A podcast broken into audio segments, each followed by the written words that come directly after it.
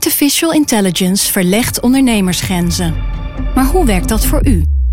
Als transformatiepartner helpt Capgemini u kansen te ontdekken en benutten, zodat we uw ideeën tot leven brengen. Vorm uw eigen mogelijkheden met generative AI. Ontdek meer op capgemini.nl/slash AI. Capgemini. Get the future you want.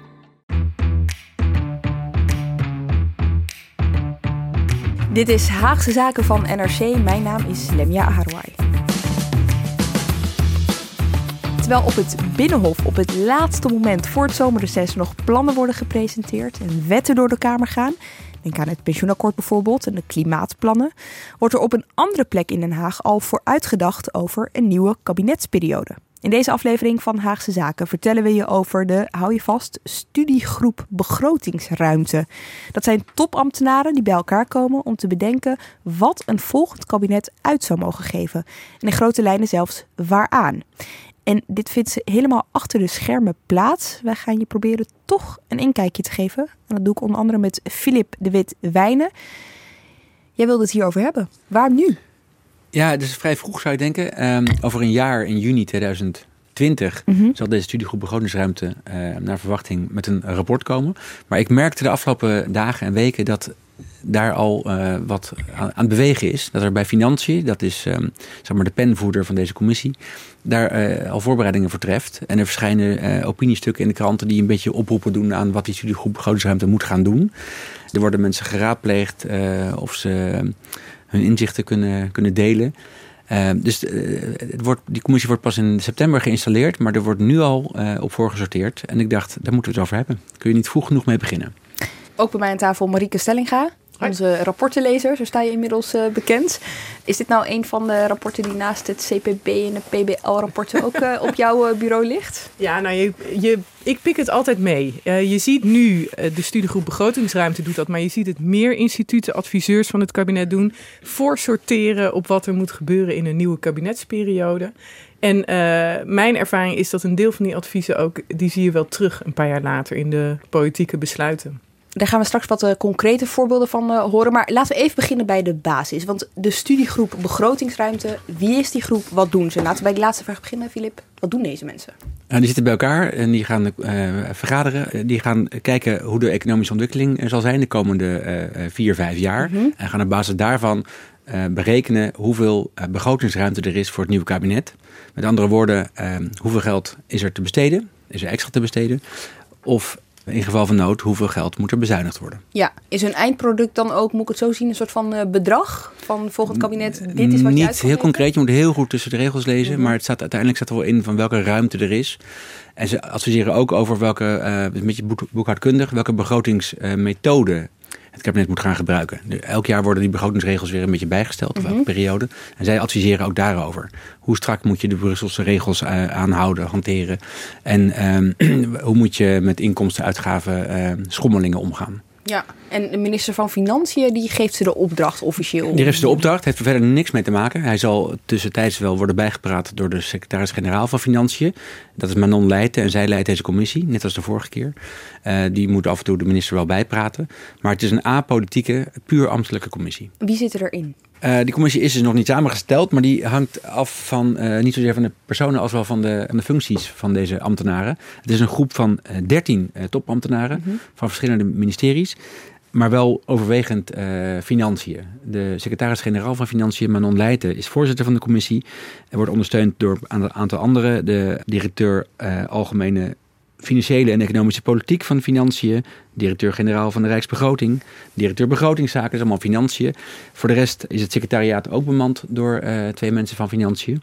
Zijn er andere ministeries bij betrokken? Ja, een aantal wel. Uh, economische zaken zit er, uh, sociale zaken zit er, volksgezondheid en algemene zaken. En ook relevant en interessant, directeur Centraal Planbureau, Lago van Geest zit erin. En een directielid van de Nederlandse Bank. Ja, en maakt het nou uit dat bijvoorbeeld uh, Defensie of Onderwijs hier niet in zit? Je zou denken van wel, hè? want dat zijn ook ja. ministeries die uh, wel graag willen weten of er de komende periode ook nog uh, wat extra geld voor, voor die. Ze willen wat invloed uitoefenen, lijkt ministeries in zit. Ja, maar dat, dit is vooral toch al macro-economische studie. En daar hebben dan die, zeg maar die vakdepartementen wat minder mee te maken. Volksgezondheid zit er wel bij. Is ook een groot geldverslindend ministerie. In andere commissies en ook binnen het kabinet komen natuurlijk die andere departementen wel, wel aan, aan hun trekken. En wat is nou de opdracht die dit groepje krijgt? kijk welke begrotingsruimte er in de komende vier jaar, maar dan zeg maar vanaf de Tweede Kamerverkiezingen, de komende vier jaar is om nieuw beleid te maken. Ja, en dat levert dan een rapport op. Daar gaan we straks een beetje doorheen om te kijken wat er nou precies in staat. Maar Marieke, wel goed om te weten. Dit vormt dan vervolgens de basis voor politieke partijen om hun verkiezingsprogramma te schrijven. Ja, zij baseren zich mede ook op de voorspellingen, hè, deze studiegroep van het Centraal Planbureau. Hoe gaat het eruit zien de komende jaren? En uh, alles daarna is daarvan afgeleid. Dus ook verkiezingsprogramma's worden doorgerekend op, ten opzichte van die voorspellingen. En uh, dat bepaalt heel erg welk gevoel partijen hebben over hoeveel ze kunnen uitgeven of uh, hoe de overheidsfinanciën ervoor staan. En dat maakt in Nederland toch heel erg veel uit. Ook al zijn die voorspellingen onzeker, hè, er komen crises tussendoor ja. of uh, opeens valt er iets mee. Het is toch in Nederland zo vrij breed bij politieke partijen dat ze zich wat aantrekken van uh, dit soort doorrekeningen of van de financiële ruimte die vanuit die adviseurs wordt bepaald. Dat is wel heel opvallend. Maar moet ik het ook echt zo zien dat, oké, okay, ik bedoel volgend jaar is 2020. In 2021, als alles goed gaat, zijn er uh, verkiezingen. Nou, dan zullen ze ergens in het midden van volgend jaar wel beginnen aan die verkiezingsprogramma's. Die, die, die volgende die luistert heel nauw. Dus eh, de verkiezingen zijn in principe in maart 2021. Ja. Dan rekenen ze terug. Die partijen gaan hun kandidatenlijsten samenstellen uh, eind 2020. Mm -hmm. Kort daarvoor, of ook in het najaar, worden de verkiezingsprogramma's gepresenteerd. Ja. En kort daar weer voor komen twee belangrijke rapporten. De uh, middellange termijn raming van het Centraal Planbureau en deze studiegroep begrotingsruimte. Uh, met als doel, of met als uh, poging, dat die uh, verkiezingsprogrammacommissies van partijen dit kunnen gebruiken als, als bouwsteen. Dus deze studiegroep die kijkt altijd vooruit op de volgende kabinetsperiode. Begint een jaar voor de Tweede Kamerverkiezingen. Maar wat nou als een kabinet valt? Dan Hebben ze dan niks? Moeten ze heel snel aan de bak. Ja. En dan zie je ook van, oh, dat zijn hele andere studiegroepen. Want die zijn veel sneller, moeten die meningen vormen. Maar dat is ook zo bij de doorrekening van de verkiezingsprogramma's. Dat zet gewoon enorme drukte op. Dus je hebt een aantal jaar gehad, begin jaren 2000, dat Precies. het kabinetten vaak vielen. En toen was iedereen ook helemaal... Uh, in 12 ook. Van, van ja. het wordt, ja, het, uh, het wordt nu wel heel erg druk en heel erg veel. Dus dan is ja. dat langzamer. En dan teer je natuurlijk op wat je een paar jaar eerder hebt gedaan. Dat kan niet anders. Precies, Terwijl, als je zo'n lange periode hebt als onder Rutte 2, bijna vijf jaar, vier en een half jaar, dan uh, kan dat langzame werken, het langzame denken meer zijn uh, beslag krijgen. Nou, het is iets waar je niet bij stilstaat. Maar als veel kabinetten achter elkaar vallen, dan heeft dat dus invloed op het nadenken over langjarig beleid ja, dan heb je korter gehad om ja. daarmee bezig ja. te zijn. En het CPB heeft op een gegeven moment ook gezegd: wij gaan minder dingen doorrekenen. Wij gaan ons takenpakket beperken bij die verkiezingsprogramma's. Ook omdat ze het gewoon niet uh, bijhielden toen veel kabinetten vielen en ze vaak moesten doorrekenen. Ja. ja, en ik zou denken als het kabinet nu zou vallen, dat deze commissie eerder wordt geïnstalleerd en uh, niet in juni volgend jaar met een rapport komt, maar al dit najaar of uh, begin volgend jaar. Maar hoe zit dat dan eigenlijk met die partijen? Want over het CPB, over het PBL wordt nog wel eens uh, gemopperd, omdat zij bijvoorbeeld rekenmodellen gebruiken. Hè. Die zijn dan discutabel bij verschillende partijen. Maar hoe wordt er gedacht over die studiegroep? Nee, maar het is natuurlijk zo wezenlijk anders. Want bij het CPB, die gaat plannen van partijen doorrekenen. En als partijen dan denken, dit is heel goed voor de economie... en het komt er bij het CPB niet uit, dan worden ze daar chagrijnig van. Zelstra is de enige fractievoorzitter die geen kritiek heeft. Alle andere hekelen de modellen van het CPB die niet realistisch zouden zijn. Er staat in een van, van de stukken, als inderdaad de, de, de ijskap bij de Noordpool smelt, dan heeft dat enorm veel kansen economisch gezien, want dan kunnen we gaan rondvaren om Rusland heen. Modellen kunnen wel eens afwijken van de werkelijkheid. En als dat te veel gebeurt, krijg je dus allemaal politieke debatten aan de hand van modellen die nooit de werkelijkheid zullen worden. En mensen op straat denken wel dat het echt is. Dit is meer welke ruimte is er om geld uit te geven? Hoe zou je dat op de meest verstandige manier moeten doen? En dat gaat niet zozeer over moet er uh, geld bij naar de zorg of moet er. Hè, dat, dat, het is veel breder dan dat. Het is hoe voer je netjes begrotingsbeleid. Linksom of rechtsom moet je, moet je daar wel naar kijken. Ja. Ja, en wat zij ook beantwoorden, deze studiegroep, is hoe ga je om met tegenvallers of meevallers? Mag je die meteen uitgeven? Moet je die meteen bezuinigen? Of kan je daar even mee wachten? Dat zijn gewoon werkafspraken die een uh, kabinet ook maakt als het aantreedt. En daarin nemen ze delen wel of niet over van zo'n studiegroep. Dus ze zijn niet, ze zijn niet, er wordt niet over gediscussieerd, over de waarde ervan? Of over... Jawel, tuurlijk wel. En delen nemen ze wel en delen nemen ze niet over. Maar ja, ik kan me zo voorstellen dat de PVV of Forum daar meer discussie over zou hebben dan andere partijen. Maar dat hebben we gewoon nog niet zo vaak meegemaakt. Nou, ik, ik herinner me wel één uitspraak van hebben gevormd waar ze in zaten. PVV heeft gedoogd, maar niet ja. erin gezeten. Ja. Maar de, de, eh, de, huidige senator van Forum voor Democratie, eh, Paul Frentrop... die schreef mee aan het verkiezingsprogramma in 2017 van zijn partij. En die liet het toen niet doorrekenen door het Centraal Planbureau. Uh, um, met als reden dat Forum voor Democratie in zijn ogen uh, hecht aan de Hollandse tradities. Maar hij maakte graag voor het CPB een uitzondering.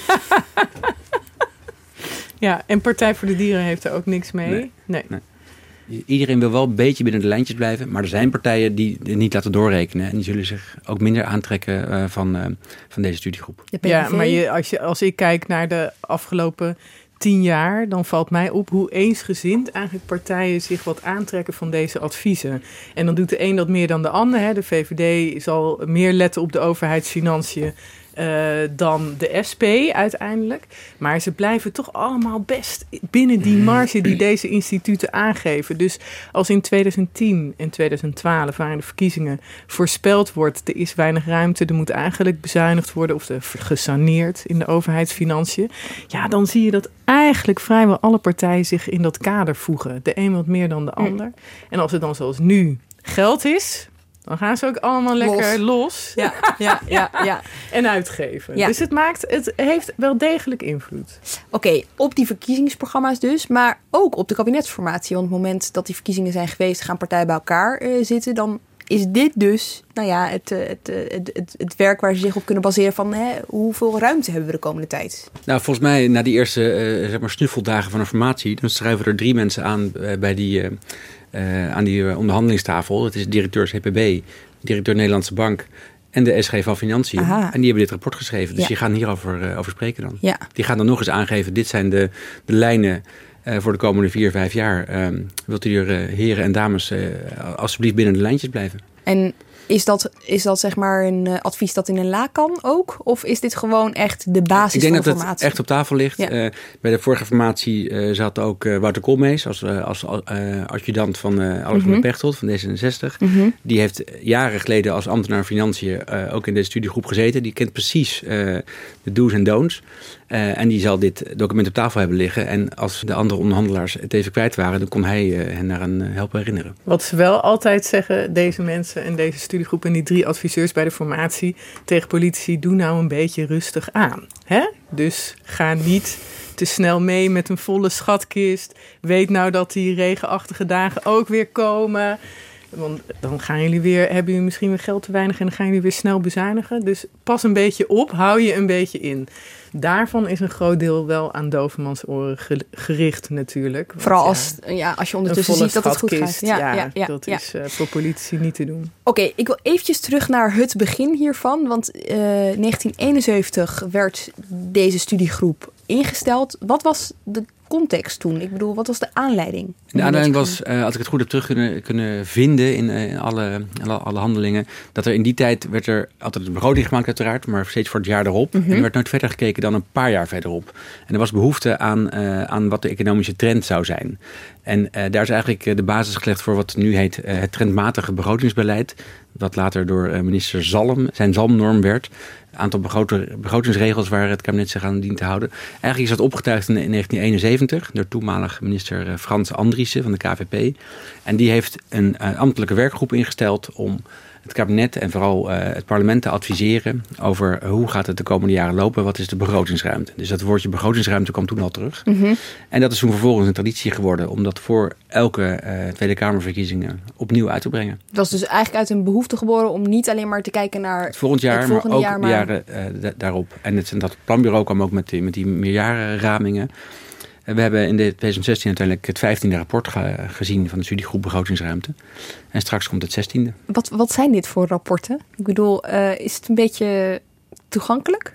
Nou, voor de, voor de Vraag als wel. volledige Het is, leek het is- die je moet ontzettend eh, scherp lezen. Eh, mensen die economie hebben gestudeerd, eh, zoals Marieke, die, die, die, die lezen het zo. Zelfs uit 1971. Daar begon de tekst als volgt. Dat was bijna een collegebundel. Een evenwichtige groei van de volkshuishouding is slechts bereikbaar bij een juiste verhouding tussen sparen en investeren. Nou, die les is natuurlijk nog steeds, nog steeds waar. Ja. Dat was het jargon van toen. Ja, en wij zijn, dit is ook echt zo Nederlands, hè? Wij houden hiervan. Dus in Nou. heel veel landen, dat zegt althans altijd de minister van Financiën die we hebben, zijn, eh, zijn collega minister van Financiën in andere landen zijn altijd verbaasd over hoe populair de minister van Financiën hier is. En volgens mij zit daar wel een kern van waarheid in. Wij houden er heel erg op dat je netjes op je geld past en dat je geen dingen uitgeeft die je niet hebt. En je moet ook niet buiten de lijntjes te veel. Dus daar houden wij van. En wij hebben daardoor beleid, wat in andere landen toch vrij onbekend is. Bijvoorbeeld dat wij de houdbaarheid van de overheidsfinanciën voor over tientallen jaren berekenen. Hè? Kunnen we dan nog hetzelfde niveau van de, eh, de verzorgingsstaat bieden aan mensen als we nu bieden? Met de vergrijzing erbij. Dan gaan we het Lijkt me heel logisch, maar dat is dus niet overal zo. Nou, nee, dat is, Nederland is daarin toch netjes. En de- vandaar ook de invloed van dit soort groepen. Hè, ook al worden ze nooit één op één overgenomen en blijven, blijven politici politici Ja. natuurlijk. Eh, heeft het wel degelijk meer invloed, denk ik, dan in andere landen. Ja. Wat mij wel fascineert aan dit soort groepen is dus- dus dat het mensen zijn die je, in, die je niet zo vaak op tv ziet. Of weet je wel, het zijn geen politici nee. die je kent. Of, eh, Het zijn, het zijn ambtenaren en eh, eh, echt echt van die professionele topambtenaren die ook eh, voortdurend doorschuiven naar een andere post. Of binnen hetzelfde ministerie of naar een ander ministerie gaan. Mevrouw Leijten, die nu de commissie weer gaat voorzitten, die heeft ook eh, op algemene zaken gewerkt. En ook, ik dacht, op, eh, op volksgezondheid. Die kent, die kent al die andere ministeries ook. Ehm, Zijn het nerds? Mag ik dat zo zeggen? het zijn hele slimme eh, economen. Dragen ze vaak brillen? Dragen ze vaak brillen. Sprak de Volgens brildraagster. ja, ze- ja. nee. Nee, nee, het zijn mensen die die be- begroting heel goed kennen. En dat is politiek vaak heel erg nuttig. Mhm.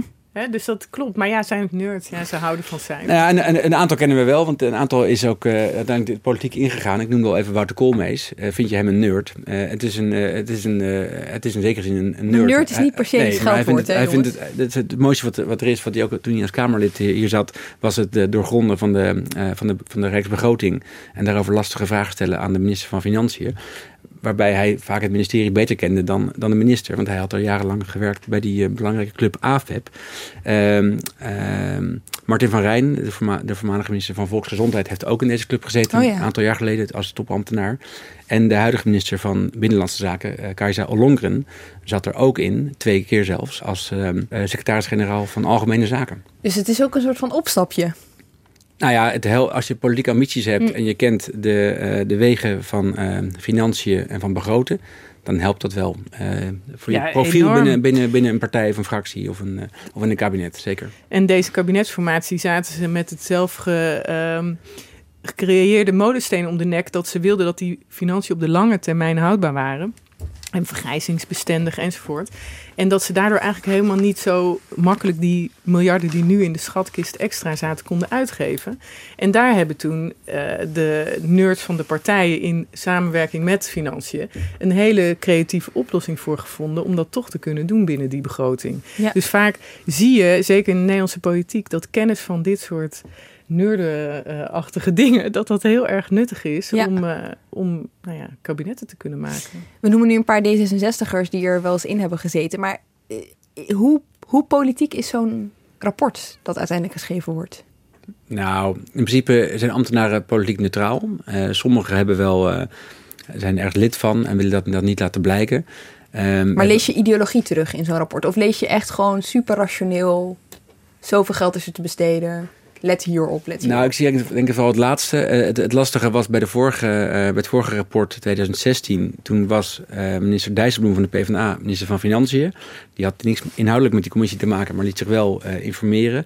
En zijn partij, de PvdA, die wilde, nu de overheidsfinanciën weer gezond waren, wilde weer flink gaan investeren. Maar die commissie zei juist, nee, we gaan niet meteen het geld weer uitgeven wat we nu hebben. Wat uw minister zojuist eh, op orde heeft gebracht. Dus die vond het als minister van Financiën een heel verstandig advies, eh, vermoedelijk. Maar als eh, PvdA-kandidaat Kamerlid, wat hij toen ook nog is, is geweest, eh, vond hij het eh, lastig, denk ik, in zijn fractie uit te leggen dat hij. eh, Ja. en ze hadden een enorme investeringsagenda bij de PvdA in het programma staan. Maar dat was niet de bedoeling volgens zijn eigen studiegroep. Althans, van zijn ministerie. Ja. Ja, Maar- en, en daarbij wil ik toevoegen dat economie en ook begrotingen zijn nooit volkomen neutraal. Eh, we hebben in 2008 natuurlijk een crisis gehad, daarna zeer uitzonderlijk beleid. Eh, en iedereen, elke econoom en ook deze studiegroep begrotingsruimte heeft last van voortschrijdend inzicht. En ik denk dat het voortschrijdende inzicht wat ik lees in deze adviezen in de afgelopen jaren van de studiegroep, eh, is dat het toch best pittig was Mhm. wat we hebben gesaneerd. Hè? Dus bezuinigen en belastingverhogingen om de overheidsfinanciën op orde te brengen in de crisis. En dat heeft geresulteerd in zeer grillig beleid. Hè? Dus het ene jaar moest er van alles af en het volgende jaar kwam, was er opeens weer geld en werd er 5 miljard euro ehm, het land ingesmeten via de loonbelasting. En die grilligheid, ik denk niet dat iemand daar met eh, positieve gevoelens op terugkijkt. Je zou willen dat de overheid wat rustiger is in het eh, bezuinigen en belasting verhogen. Ja, maar dat was niet het advies van die toen eh, studiegroep geweest destijds. Het was bezuinigen eh, twee keer achter elkaar, zeg maar. In 10 Ja. en in 12. Ja. En in 16 riepen ze, we gaan niet meer bezuinigen, maar we gaan ook niet extra uitgeven. Nee, en die lastenverlichting nee. in Rutte 2, die heeft het kabinet zelf eh, bedacht. Los van, eh, van dit advies van deze ambtenaren. Dus ze gaan er wel eens vanaf. Dus Nou ja, in die, in die Vanaf. 2016, dan kijken ze terug. Hè. Ze waren in 2012 toch best van je moet 20 miljard Ja. saneren. En in 16 krijgen ze, kijken ze terug en zeggen ze... nou ja, het was misschien wat veel de afgelopen jaren. Ja, is dat een totale correctie? Zo kan je het niet lezen. Maar tegelijk denk ik dat ook zij denken... hou het een beetje rustig, ook in zo'n crisis. Want je, maakt, je geeft de economie toch een extra tik mee. Dit, dit verhaal dat jij nu vertelt, eh, de huidige CPB-directeur is natuurlijk eh, Laura van Geest. Ja. En zij heeft iets soortgelijks bij ons in de krant natuurlijk al betoogd. Ja, Dus ook is dat dan... van Financiën komt zij weer. Precies. Heel grappig. Ja, die, Kleine heeft, twee- hoedanigheden in deze commissie gezeten. Eh, nu de laatste Mhm. keer en, de, en, de, en de, de komende keer als directeur Centraal Planbureau. Maar daarvoor was ze natuurlijk ook topambtenaar Financiën. Ja. Heeft ze ook vaak meegepraat. Zij heeft in een opiniestuk in de krant en ook in de officiële publicaties van het CPB, heeft het CPB gezegd, trap nou bij een volgende crisis niet meteen op de rem. Eh, en je ziet het bij meer van de adviseurs van het kabinet, ook bij de Nederlandse Bank. Ze voelen eigenlijk de bui al hangen, als het ware. Hè. Nu kan het niet op, de schatkist is vol, het geld kan maar niet uitgegeven worden. Hoppa, politie erbij, zorg erbij, verpleeghuizen. Hè, we, we gaan investeren. En ze zijn gewoon bang dat de politiek, zodra het weer wat minder gaat, meteen weer op de rem gaat staan en denkt: we moeten bezuinigen, we moeten saneren, we moeten de belasting Dan krijg je een verhogen. onbetrouwbare overheid. Omdat het aan de ene keer wordt Nou het ja, en uitgegeven is- en dan wordt het weer Ja, en het is economisch gezien sowieso niet verstandig, wat voor land je ook bent. Hè. Je hebt liever sta- eh, stabiliteit voor de overheidsfinanciën. Dat betekent dat burgers ook beter weten waar ze aan toe zijn. Niet heel erg eh, interen op hun consumptie opeens. Bedrijven weten ook beter waar ze aan toe zijn. Dus voor de economische stabiliteit is het sowieso goed. Maar voor Nederland speciaal is het nog beter. De Nederlandse economie is buitengewoon grillig. Dat komt door hoe wij onze economie hebben ingericht met de heel hoge hypotheekschuld en hele hoge pensioenpotten. Wij hebben weinig spaargeld op de bankrekening staan. Dus zodra het minder gaat, Zijn gaan wij meteen minder uitgeven. En dat maakt die economie wispelturig. Dat maken de overheidsinkomsten wispelturig. En als de politiek daar dan in meegaat, door meteen op zo'n moment ook te gaan belasting verhogen of bezuinigen, dan geef je nog een tik en dan wordt die economie nog grilliger. En Ja. dat is geen goed idee. En dat, die waarschuwing hebben ze de behoefte om nu te zeggen. Want voor deze instituten en voor iemand als Laura van Geest is dat ontzettend moeilijk om te zeggen als het een verhitte politieke discussie is. Dus zij zegt het van tevoren. Hè, hou je nou even in, zegt ze nu. En het wordt moeilijker voor haar om dat te zeggen als straks Ja. dit daadwerkelijk Maar ze heeft daarmee wel in- Want dan wordt ze heel politiek. Ja, en het, ik vond het opvallend dat dit begin maart door haar geschreven was in, eh, in de NRC. Een opiniestuk. En dat was echt maanden voordat. We zitten hier nu eh, eind, eh, eind juni. Maar dit is ma- een half jaar voordat die commissie eh, wordt geïnstalleerd. Heeft wel van Geest eigenlijk al gezegd wat ze straks gaat, eh, Ja. gaat betogen. Want die commissie die gaat nu dus aan het werk de komende maanden. Nee, in september, rond krijgen ze Prinsjesdag, dan, zal ja. minister Hoekstra die commissie officieel Ja. aanstellen. En dan zullen ze, nou, ze, ze- Ik begrijp nu al dat het secretariaat van de, van de commissie op financiën al bezig is met informatie inwinnen, met deskundigen raadplegen of ze tijd hebben straks om langs te komen. Want ze, ze, doen het niet helemaal alleen. Hè? Ze praten ook wel met, ze praten met economen, en, uh, en, met, nou ja, en met andere ambtenaren van een lager niveau die uh, allerlei informatie uh, kan aanleveren. Ja, wat ik dus wel interessant vind is, het CPB zit bij Nederlandse banken dan al die topambtenaren. Maar we hebben natuurlijk meer instituten in Nederland. Denk aan het SCP, wat toch wel, Kim Putters komt hier redelijk vaak langs mm -hmm. zo tijdens de formatie bijvoorbeeld. er is natuurlijk de laatste jaren best wat roep geweest om, om wat dan heet het, een bredere welvaartsdefinitie te maken dan alleen maar het, het BBP en percentages en, en miljarden euro's. Om ook te kijken naar welzijn en naar, naar, naar, duurzaamheid en naar uh, milieuvraagstukken. Die vraag is ook wel in, de, in het uh, parlement gesteld. Um, door Apple Bruins. Die heeft gevraagd aan de minister: kunnen we die commissie niet uitbreiden? Dat was begin deze maand, ja. hè? ChristenUnie-Kamerlid. Ik heb uh, twee moties voor vandaag. Um, de eerste gaat over brede welvaart, waarvan we inderdaad met elkaar zeggen dat willen we een steeds grotere rol geven in de beleidscyclus. Nou, dat begint met het, met het kader uh, op basis waarvan wij al in onze verkiezingsprogramma's baseren. En uh, om daar ook een stapje te zetten, uh, dien ik de volgende motie in. Verzoekt de regering met betrekking tot de samenstelling van de studiegroepen begrotingsruimte en duurzame economische groei de voorzitters van deze studiegroepen te vragen, ook de directeuren van het SCP en PBL uit te nodigen als lid. Gaat over tot de orde van de dag, mede ondertekend door Sneller, Snels, Stoffer, Van Rooyen en Nijboer. Ja, en dan antwoordt minister Hoekstra van Financiën, de opdrachtgever dus van die stuurgroep, die antwoordt als volgt. Ja, voorzitter, eerlijk gezegd, dat, dat, dan maken we het weer zo formeel. Dat zou ik ook willen ontraden. Laten we nou die studiegroep begrotingsruimte de suggestie aan de hand doen dat zij consulteren bij diegenen die, bij wie zij denken dat dat nodig is. En ze specifiek suggereren dat dan ook te doen in de hoek uh, waar uh, naar gevraagd wordt. Dat lijkt mij, eerlijk gezegd, uh, nog weer beter. Ook omdat die studiegroep die gaat echt over uh, de, uh, de studiegroep begrotingsruimte. We hebben over voor allerlei dingen hebben we commissies. en als men daar nou naar rijberaad besluit dat men de mensen wel wil consulteren, maar niet in de commissie wil opnemen, dan vind ik het zo ingewikkeld ja. om ze daar koet toe te dwingen. Dus als dat op die manier mag, ja. dan kan ik, als, als ik het op die manier mag afspreken, dan kan ik de motie ook oordeel Kamer geven. Uiteindelijk aangenomen, deze motie, maar wat betekent dat? In concreet? Is nou, het SCP heeft, heeft, die gaat niet over de, de samenstelling van de commissie. Uh, dat moeten ze uh, zelf doen. Dus ik denk dat het uh, blijft zo bij, het, bij de oude. voor mij is het fragment vooral leuk dat dit de, de, eerste keer was dat het woord studiegroep begrotingsruimte in een kamerdebat viel. en daar hadden ze vijf minuten voor nodig. um, Maar uh, dat klopt. Uh, Hoekstra gaat niet zeggen wie er wel niet in uh, mogen. Hij wil dat niet opleggen aan, aan zijn secretaris-generaal. Dat moet ze zelf weten. Ja. En hij zegt wel, als zij behoefte hebben om adviezen van PBL en Sociaal Cultureel Planbureau erbij te betrekken, dan gaan, zullen ze dat zeker doen. Het verzoek past wel heel erg bij een bredere discussie natuurlijk over economische groei. Ja. En hè, als jij alle instituten laat zoals ze zijn. Namelijk BBP is het enige waar je naar kijkt. Hè, wat we met z'n allen bij elkaar verdienen. Of zo'n studiegroep begrotingsruimte. En je betrekt daarbij niet het welzijn van mensen. Of de, het klimaat, de omgeving, het milieu.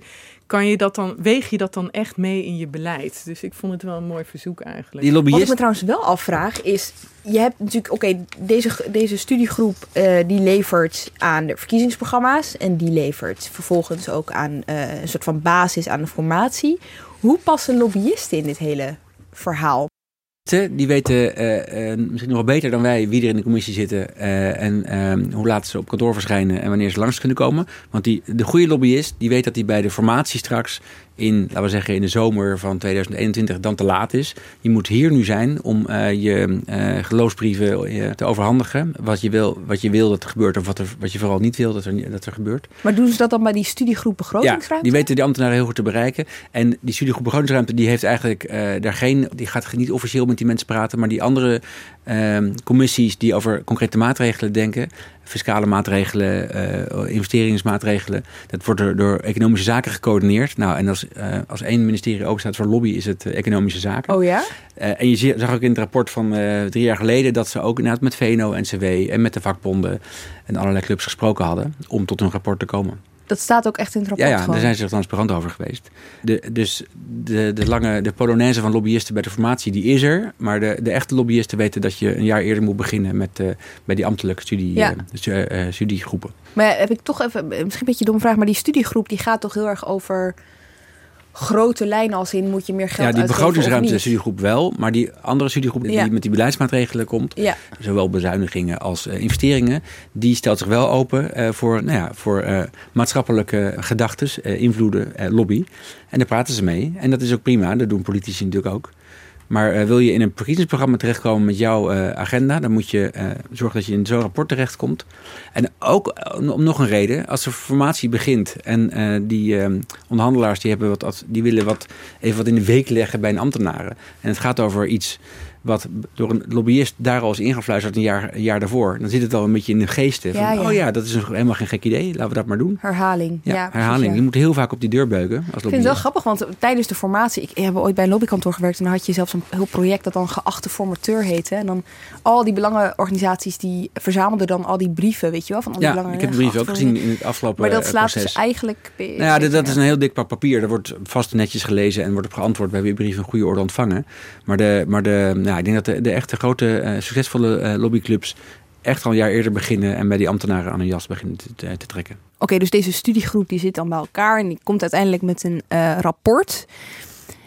Zie je dan ook echt concreet dingen terug in verkiezingsprogramma's of in het regeerakkoord? Dingen die zij hebben voorgesteld? Ja, maar, maar niet op, op heel detailniveau van de maatregelen uit het regeerakkoord. Maar wel eh, gaan we de hoofdlijn gaan we bezuinigen of gaan we, of gaan we extra investeren. Maar zij geven ook niet op detailniveau adviezen toe. Nee, eh, de, de vorige studiegroep die heeft alleen gezegd, die heeft gezegd, eh, we willen de begrotingsdoelstelling op nul houden. Dat betekent, de financiën zijn op orde, laten we dat zo houden. Dus we gaan, er zijn geen bezuinigingen nodig, maar we, moeten ook niet extra gaan, gaan willen investeren. Er valt alleen wat te winnen in het besparen op de, op de zorguitgaven. En daar, daar noemen ze een concreet bedrag van 2,5 miljard euro, meen ik. En daarmee was dan de koopkracht weer iets te repareren, want dat zou dan kunnen worden eh, ontzien in de zorgpremie. Dus ze raken Dat- wel beleidsterreinen Dat was aan. vrij concreet, Ja, vond ik. Ja. Nou, ze hebben verder in het, ver- in het verleden, in het recente verleden, hebben ze wel geadviseerd over pensioenhervorming uiteraard, Mhm. over ehm, arbeidsparticipatie, over eh, de bezuinigingen op de eh, langdurige zorg.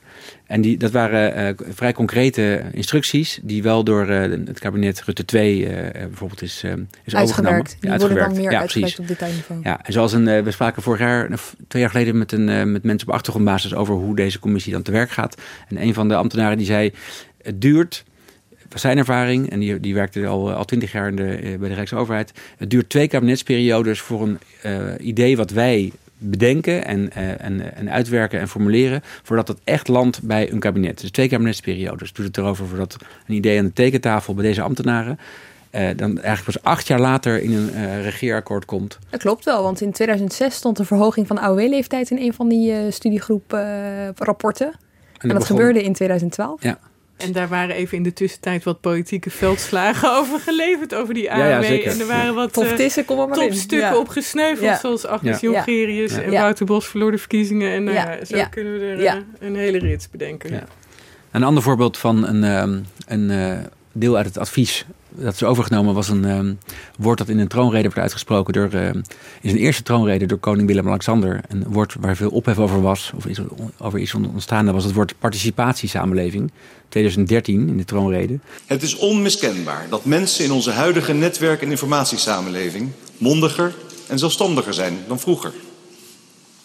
Gecombineerd met een noodzaak om het tekort van de overheid terug te dringen, leidt het ertoe dat de klassieke verzorgingsstaat langzaam maar zeker verandert in een participatiesamenleving. Van iedereen die dat kan, wordt gevraagd verantwoordelijkheid te nemen voor zijn of haar eigen leven en omgeving. dat begrip eh, participatie, en vooral in het licht van eh, participatieverhoging eh, op de arbeidsmarkt en in de, in de samenleving, dat kwam ook al aan de orde in een aantal eh, studiegroep adviezen eh, van een paar jaar daarvoor. Ja, ik vind het dus fascinerend. Hè? Dus dat er, eh, wij kijken hier heel erg naar beleid. En dan kijken we naar het Binnenhof, waar we nu letterlijk op uitkijken vanuit dit raam. Maar jij zegt, maar jullie zeggen nu dus eigenlijk, ondertussen gebeurt er achter de schermen gebeurt er van alles in deze commissie. En in meer commissies. Ja, want de, de, eh, eh, waar je naar op zoek bent voor mij is, is concrete voorbeelden van maatregelen eh, uit het regeerakkoord, eh, waar die dan staan in Ja, dit rapport. ja. Dit is nog vrij, het is een vrij lijvig rapport, maar ook langs vrij grote hoofdlijnen Mhm. en vrij abstract ook wel. Ehm, maar er zijn, er zijn meer commissies op dit eh, vlak aan het werk. Met vaak dezelfde mensen, dezelfde topambtenaren van dezelfde ministeries. Aangevuld met met andere ministeries, die heel concreet maatregelen bedenken. En daar wordt ook nu aan gewerkt, want ehm, dezelfde minister Hoekstra heeft op advies, of op verzoek van de Tweede Kamer, heeft hij een, een nieuwe commissie ingesteld, of een nieuw project. En dat, dat noemt hij het project even goed lezen. Het project Beleids- en Uitvoeringsopties in Beeld. en dat is ook helemaal eh, geen, geen fijne titel. Uh, vijf jaar geleden heette, die, uh, heette dat project de studiegroep Duurzame Groei. Ook op verzoek van de Kamer. En daar kwam, Wie bedenkt dat, kwam, serieus? Wie bedenkt die titels? Ja, dat is heel ambtelijk natuurlijk. Dat, en dat, ja, dat is het jargon van, van Den Haag. Ja. Maar deze twee ehm, commissies, die hebben althans die vorige heeft wel degelijk een hele lange lijst met maatregelen uh, voorgesteld die we allemaal terugzagen. De btw-verhoging, de verlaging van de vennootschapsbelasting, de verdere beperking van de hypotheekrenteaftrek. Daar hadden ze allemaal scenario's voor gemaakt met concrete getallen en met, en met tijdlijnen in welke periode dan die belasting moet worden verlaagd. Dat is wel heel concreet in het regeerakkoord terechtgekomen. Maar is het idee dan, we besteden het uit aan knappe koppen, zodat we het ook soort van apolitiek maken? Dus die, hè, die denken gewoon rationeel na tot op zekere hoogte. Want Marieke zei net economie. En daar zit altijd wel iets van ideologie in. Tuurlijk, ja. Maar uiteindelijk... Um... Nou ja, zij, zij komen met een heel palet. Je hebt ook de brede heroverwegingen gehad na 2010. Dat was het kabinet Bos-Balkenende. Mm Die kreeg de crisis uh, voor ze kiezen.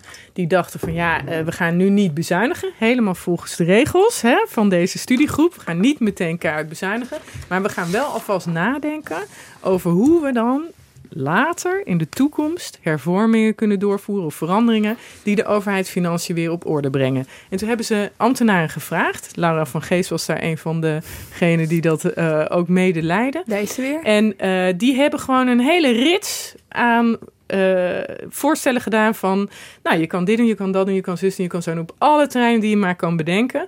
Nou, die, ik herinner me nog heel goed, die brede heroverwegingen kwamen uit en meteen werd de helft van de politiek apert niet goed van bepaalde voorstellen. Vijf euro voor de huisarts staat me bij. Nee, belachelijk, gaan we nooit doen. Dus ze stellen van alles voor. Van ja, hier kan je aan denken. En dan vervolgens is het aan politici om daaruit te kiezen. Dus het is ook echt niet zo dat één op één dingen worden overgenomen. Ja, maar zij schetsen een palet. Het zijn natuurlijk mensen die permanent nadenken over wat er aan de hand is in Nederland. In de, wat er wel werkt, wat er niet werkt. Ook nu zie je dat weer. De arbeidsmarkt. Werkt dat nog wel goed? Moet dat niet anders? Nou, en die gaan dan voorsorteren en nadenken. En met slimme, uh, met deskundigen, met knappe koppen, met ambtenaren... gaan ze een beetje van hier kan je aan denken. En dan is het aan de politiek om dat te wegen. Maar vaak zijn dat invloedrijke adviezen. En die, en die, uh, die uh, het rapport Duurzame Groei van uh, drie jaar geleden, dat las echt als een menukaart voor die uh, verkiezingsprogrammacommissies van politieke partijen. Van welke, welke maatregelen passen in ons straatje als uh, sociaaldemocraat of als christendemocraat. Welke kunnen we erin plakken?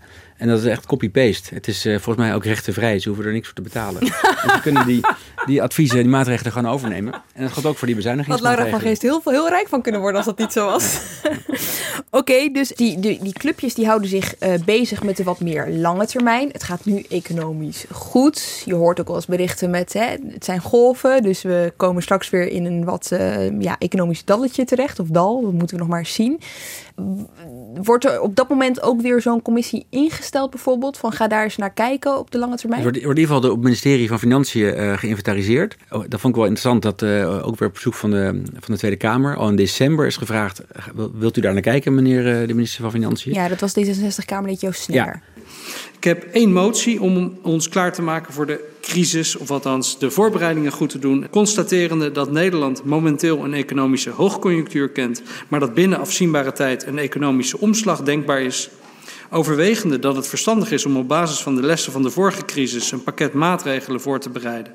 Om de economie en begroting te kunnen stabiliseren, zodat we bij een economische neergang goed voorbereid zijn, verzoekt de minister van Financiën om ter voorbereiding op een volgende neergaande conjunctuur of economische crisis effectieve beleidsopties en hervormingen bestaand uit zowel plussen als minnen in kaart te brengen, gegeven de ervaringen uit het verleden bij de brede heroverwegingen en gaat over tot de orde van de dag. Er is hier toch iets heel raars aan hoor. Nou? Dat wil ik wel even kwijt.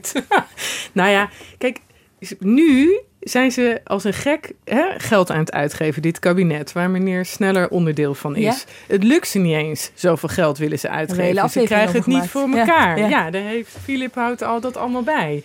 Eh, de arbeidsmarkt is zo krap dat je helemaal niet al die mensen aangenomen krijgt voor de verpleeghuizen die ze willen hebben. En dan ga je, terwijl dat nog niet eens lukt, en de rekenkamer laatst zegt. Joh, als je dan toch geld hebt, misschien moet je al het achterstallige onderhoud eventjes gaan doen. wat je in de crisis hebt gecreëerd. Hè? Bruggen die niet werken, sluizen enzovoort. Terwijl je in die situatie zit, ga je alvast inventariseren hoe je de volgende keer moet bezuinigen. Ik vind het erg opmerkelijk, eerlijk gezegd. En het maakt me een beetje bang voor hoe wij gaan reageren. Wij, de politiek, zeg ik dan maar, dat ben ik niet. hoe de politiek gaat reageren als die recessie er weer aankomt. Gaan we dan opeens weer al die plannen voor de verpleeghuizen schrappen? Je zou toch hopen dat de politiek een standvastig idee heeft van waar welk geld naartoe moet, welke basale dienstverlening je wil als overheid. En dan deal je vervolgens met inkomsten en uitgaven die mee of tegenvallen. Maar is dat niet waar Ik hij nu om vraagt? Hij vraagt en- toch juist om een plan voor als het misgaat? Zodat, Ja, maar- ja, zodat is niet wat- op het laatste moment... Jawel, maar, Nee, maar, maar, maar- zodat hij dan iets kan, beleid kan maken. Terwijl je kan nu al bezig zijn met je beleid nu, zodat je straks in een crisis niet meer allemaal dingen hoeft te doen. En tuurlijk, ben, hè, er is nu ook, Wouter Koolmees heeft een commissie ingesteld die en hij vraagt aan die commissie, de commissie Borstlap, vertel mij eens wat er aan die, op die arbeidsmarkt aan de hand is en hoe ik lange termijn goed beleid daarop kan maken. Want daar gaat iets helemaal mis. Die commissie zegt ook, ja, dit werkt niet zo. Dus dat is prima, daar heb ik niks tegen. Maar het klinkt mij iets te veel als, we gaan straks als een gek met z'n allen met een zuinig mondje hè, weer roepen, het moet allemaal minder, we hebben geen geld. Ik hoop het toch niet. Ik hoop niet dat we van de grilligheid, de wispelturigheid die dit suggereert... en die we ook de afgelopen jaren hebben gezien... er is extra geld, hoppa, uitgeven. Er is te weinig geld, hoppa, bezuinigen. Dat maakt ook echt iets stuk, denk Ja. ik. Hè, en natuurlijk, Wat dan? De, het Nou ja, vertrouwen in de overheid bijvoorbeeld. de, nee, maar de basale dienstverlening. Laatst hebben wij, Filip en ik, samen Arno Visser geïnterviewd van de Rekenkamer. En die maakte dat heel helder. Dat als jij te veel bezuinigt in slechte tijden, dan zorg jij er eigenlijk voor dat je het ook in goede tijden niet meer goed kan maken. Hè, je, als jij zoveel politieagenten eh eraf haalt in slechte tijden, dan krijg je ze niet meer aangenomen in goede tijden. Dat lukt niet meer. Dus je moet ergens standvastiger zijn als overheid in wat je wil aanbieden aan Ja. mensen. In wat voor basale dienstverlening je wil voorzien. Ja. En ik, word hier, ik, ik krijg hier een gevoel van, oh nee, we gaan straks weer helemaal opnieuw beginnen. Ja, maar er zijn twee nuances bij te maken. Want volgens mij vroeg eh, eh, de Tweede Kamer, en heeft Hoekstra dat ook bevestigd in een, in een brief eh, in, eh, van april, dat bij deze inventarisatie niet alleen toekomstige maatregelen worden bedacht als het weer minder gaat, dus bezuinigen. Dan, ik stel me ook voor dat dan die, al die investeringsplannen weer over, eh, die nog niet zijn eh, volbracht, dat die worden ingetrokken. Dat gebeurt natuurlijk zo vaak. Maar ook eh, te kijken naar de, naar de plussen, zoals hij noemde. Hoe kunnen we de economische groei in Nederland eh, duurzaam bevorderen? Dus daar zal, zal de commissie ook naar kijken. En, dat lees ik ook in die brief, bij die commissie wordt nadrukkelijk wel, worden de deskundigen van het PBL en het SCP betrokken. Dus ik stel me voor dat dat niet alleen maar een negatief verhaal, eh, verhaal zou, zou kunnen worden, maar ook een, eh, een verhaal met al die zeg maar, maatregelen die de economie kunnen versterken. Want als jullie nu kijken naar eh, die hoofdrolspelers die zich dus bezig gaan houden, om maar weer even terug te komen naar die studiegroep begrotingsruimte. Hè? Ja. Eh, is wat jij nu vertelt, hè, Marieke, eh, dus eh, hou je vast aan een soort van constante, ondanks of het nou goed of slecht gaat, zorg voor een soort van basis waar je aan Ja, vast blijft houden. Ehm, jullie kennen die, die, die, die hoofdrolspelers. Nou, sommigen laten zich daar dus ook over uit, zoals Laura van Geest af en toe. Is dat dan ook, kun je dan al een beetje voorsorteren op dat dit waarschijnlijk ook onderdeel van dat advies zal worden? Nou ja, ik vond het opvallend en ook denk ik eh, bemoedigend dat zowel Laura van Geest van het Centraal Planbureau, maar ook de Nederlandse Bank eigenlijk nu al zeggen: pas op. Als het straks slechter gaat, dan zouden we wel eens een hardere eh, klap kunnen krijgen dan we tot nu toe hebben gekregen. Dus overheid, let op, dan moet je misschien wel meer doen dan je gewend was op zo'n moment. En zij wijzen allebei op eh, de arbeidsmarkt. Daar zijn meer ZZP'ers en meer mensen eh, die laag opgeleid zijn, hebben flexwerk. En die krijgen, omdat dat meer is dan vijf en tien jaar geleden, krijgen die een hardere klap van zo'n crisis. Dus dat betekent dat je automatische buffers, stabilisi nou, ik kan het niet eens meer uitspreken, stabilisita, nou, Stabilisita- stabilisatoren. wat erg. Voor mij. Automatische stabilisatie. die kan je niet meer. Uh, die, die werkt minder dan voorheen. Dus zij, zij zien eigenlijk nu al. Oeps, de volgende keer kan zo'n recessie harder aankomen. Zeker ook bij mensen die extra kwetsbaar zijn. En overheid, let op. Je hebt daar nog een extra probleem te pakken. Dus zij zijn niet in uh, de bezuinigingsstand of de saneringsstand. Zij zien nu al eigenlijk de problemen. En dat heeft dus ook invloed, denk ik, uiteindelijk op het beleid. Weet je wat ik me afvraag in dit hele gebeuren? Hè? Want jullie leggen nu eigenlijk uit, er zijn commissies bezig met de langere termijn. En parallel daaraan uh, zijn ze hier bezig. Uh, en hier, de bedoel ik het Binnenhof mee, de politiek van nu, weet je wel, bezig met het nu. Wat ik eigenlijk probeer te zeggen is, je zou toch met die langere termijn groepje, weet je wel, met die, met die groepjes zoals deze studiegroep, die zouden dat toch moeten ondervangen, dat verhaal dat jij nu vertelt. Dus dat, dat ze alle kanten op gaan. Als ze beginnen aan een formatie, zouden ze toch steeds een rapport voor zich moeten krijgen waarin staat. Maar dat gebeurt dus ook. Maar het heeft dus blijkbaar niet altijd evenveel invloed. En de politiek houdt zich uiteindelijk niet. Uh, die gaat dan uh, tijdens de regeerperiode weer opeens uh, of enorme lastenverlichting geven. of enorme investeringsplannen extra aankondigen. En straks weer enorme bezuinigingen doorvoeren. En die, de, deze commissie zal straks waarschijnlijk zeggen wat Laura Vergeest in maart schreef. En ook in, de, in, de, in, de, in haar uh, economische raming van uh, die maand zegt... we moeten niet hard op de rem gaan staan als straks weer een nieuwe crisis is. Wat ja. Marieke net vertelde. Ja. Dus ze, ze, proberen erbij te sturen. Maar de grilligheid van de politiek is natuurlijk... Uh, dat kunnen, kunnen zij niet in een rapport even ja. tegenhouden. En daar speelt Europa natuurlijk de afgelopen jaren ook een rol. Hè, wij hebben, nou ja, wij hebben in Europa heel erg gepleit... als onze regeringen althans voor zuinigheid. Hè, tegen de Grieken, de Italianen, de Spanjaarden. Dus wij moesten ook zuinig zijn. Dus daarom was er ook een politieke wil, denk ik, om extra uh, hard in te grijpen. Eventjes terug naar jullie werk. Dit, is, hè, dit, dit is, gebeurt allemaal in achterkamertjes. Het, is niet, uh, het zijn geen openbare vergaderingen van, uh, van deze studiegroep waar jullie eventjes bij kunnen zitten. Wat, hebben jullie minder inzicht hierin in wat er gebeurt achter de schermen dan bij... Ja het, ja, het is bijna net zo geheim als, als, als, als kabinetsformatie ja. eigenlijk. En, het is, en ambtenaren zijn in Nederland best um, zwijgzaam. Uh, zeker uh, formeel. Dus het is een heel, heel klus om daar wat flarden van te krijgen.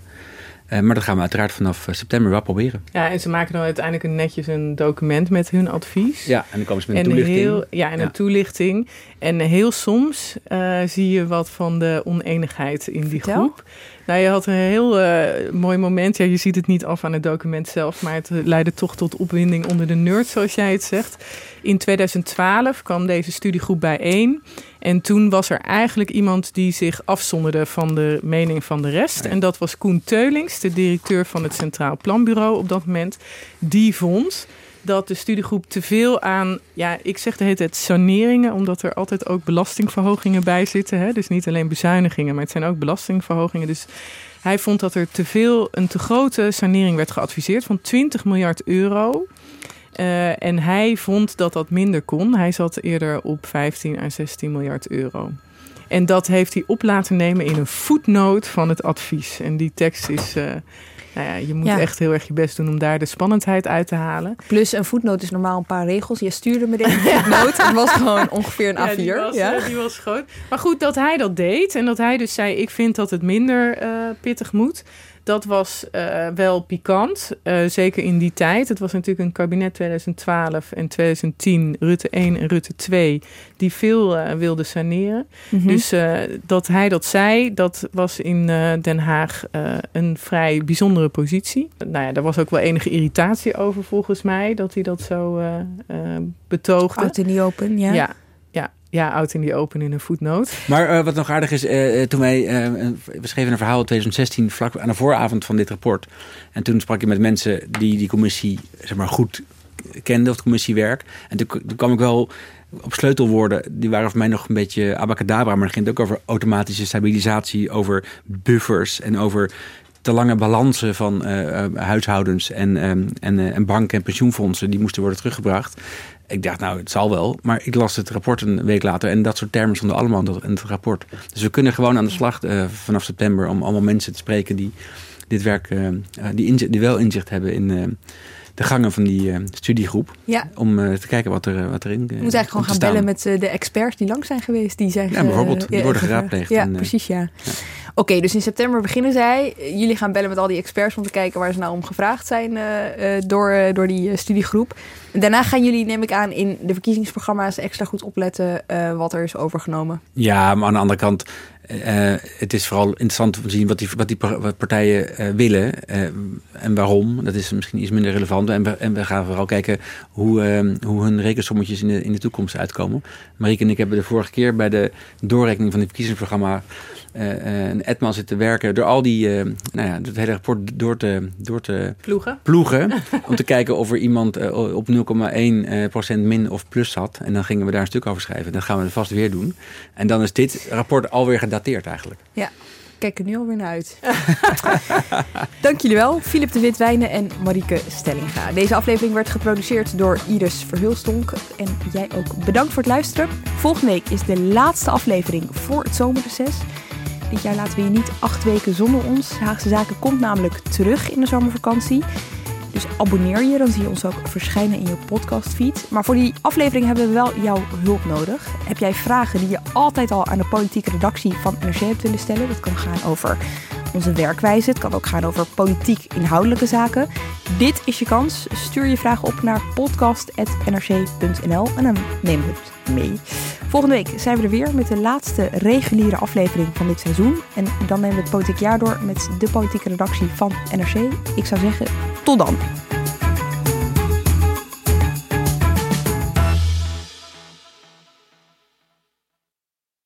Je hebt aardig wat vermogen opgebouwd. En daar zit je dan, met je ton op de bank. Wel een beetje saai, hè? Wil jij, als belegger, onderdeel zijn van het verleden of van de toekomst? Bridgefund is een slimme fintech die een brug slaat tussen de financiële behoeften van ondernemers en van beleggers. Dus wie belegt bij Bridgefund krijgt niet alleen een mooie vaste rente, maar brengt ook ondernemers in beweging. Echt waar. Met die ton kan je zoveel betere dingen doen. Bridgefund. Make money smile.